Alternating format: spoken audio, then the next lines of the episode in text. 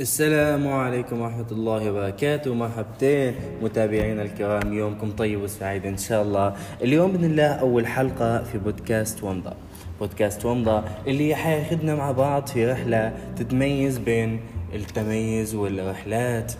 آه حنحكوا فيها على ال business في بداية البزنس كيف إن الشخص يدير المشروع متاعه وكيف إنه ينجح في إنه يسوق المشروع متاعه وينقله من المستوى اللي فيه إلى المستوى القادم. خلوكم معنا.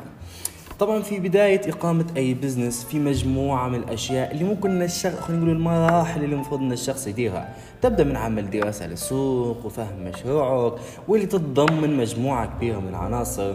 اللي اللي جزء منها اللي هي ضروري تعرف شين زبونك يفكر ويحس؟ زبونك لشين يطمح وشين هو شغله.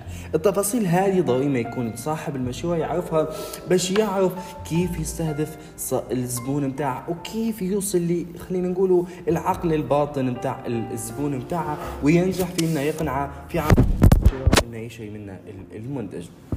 وأيضا ضروري ما يعرف شنو الأشياء اللي تحفز الزبون متاعه وشنو يحبط فيه. لما يعرف شنو يحفزه يقدر إنه هو يع... ي... خلينا نقولوا يعرض الأشياء اللي تحفزه كخدمة ليه مقابل ال... ال... المقابل باش خلينا نقولوا إنه يقنع الزبون.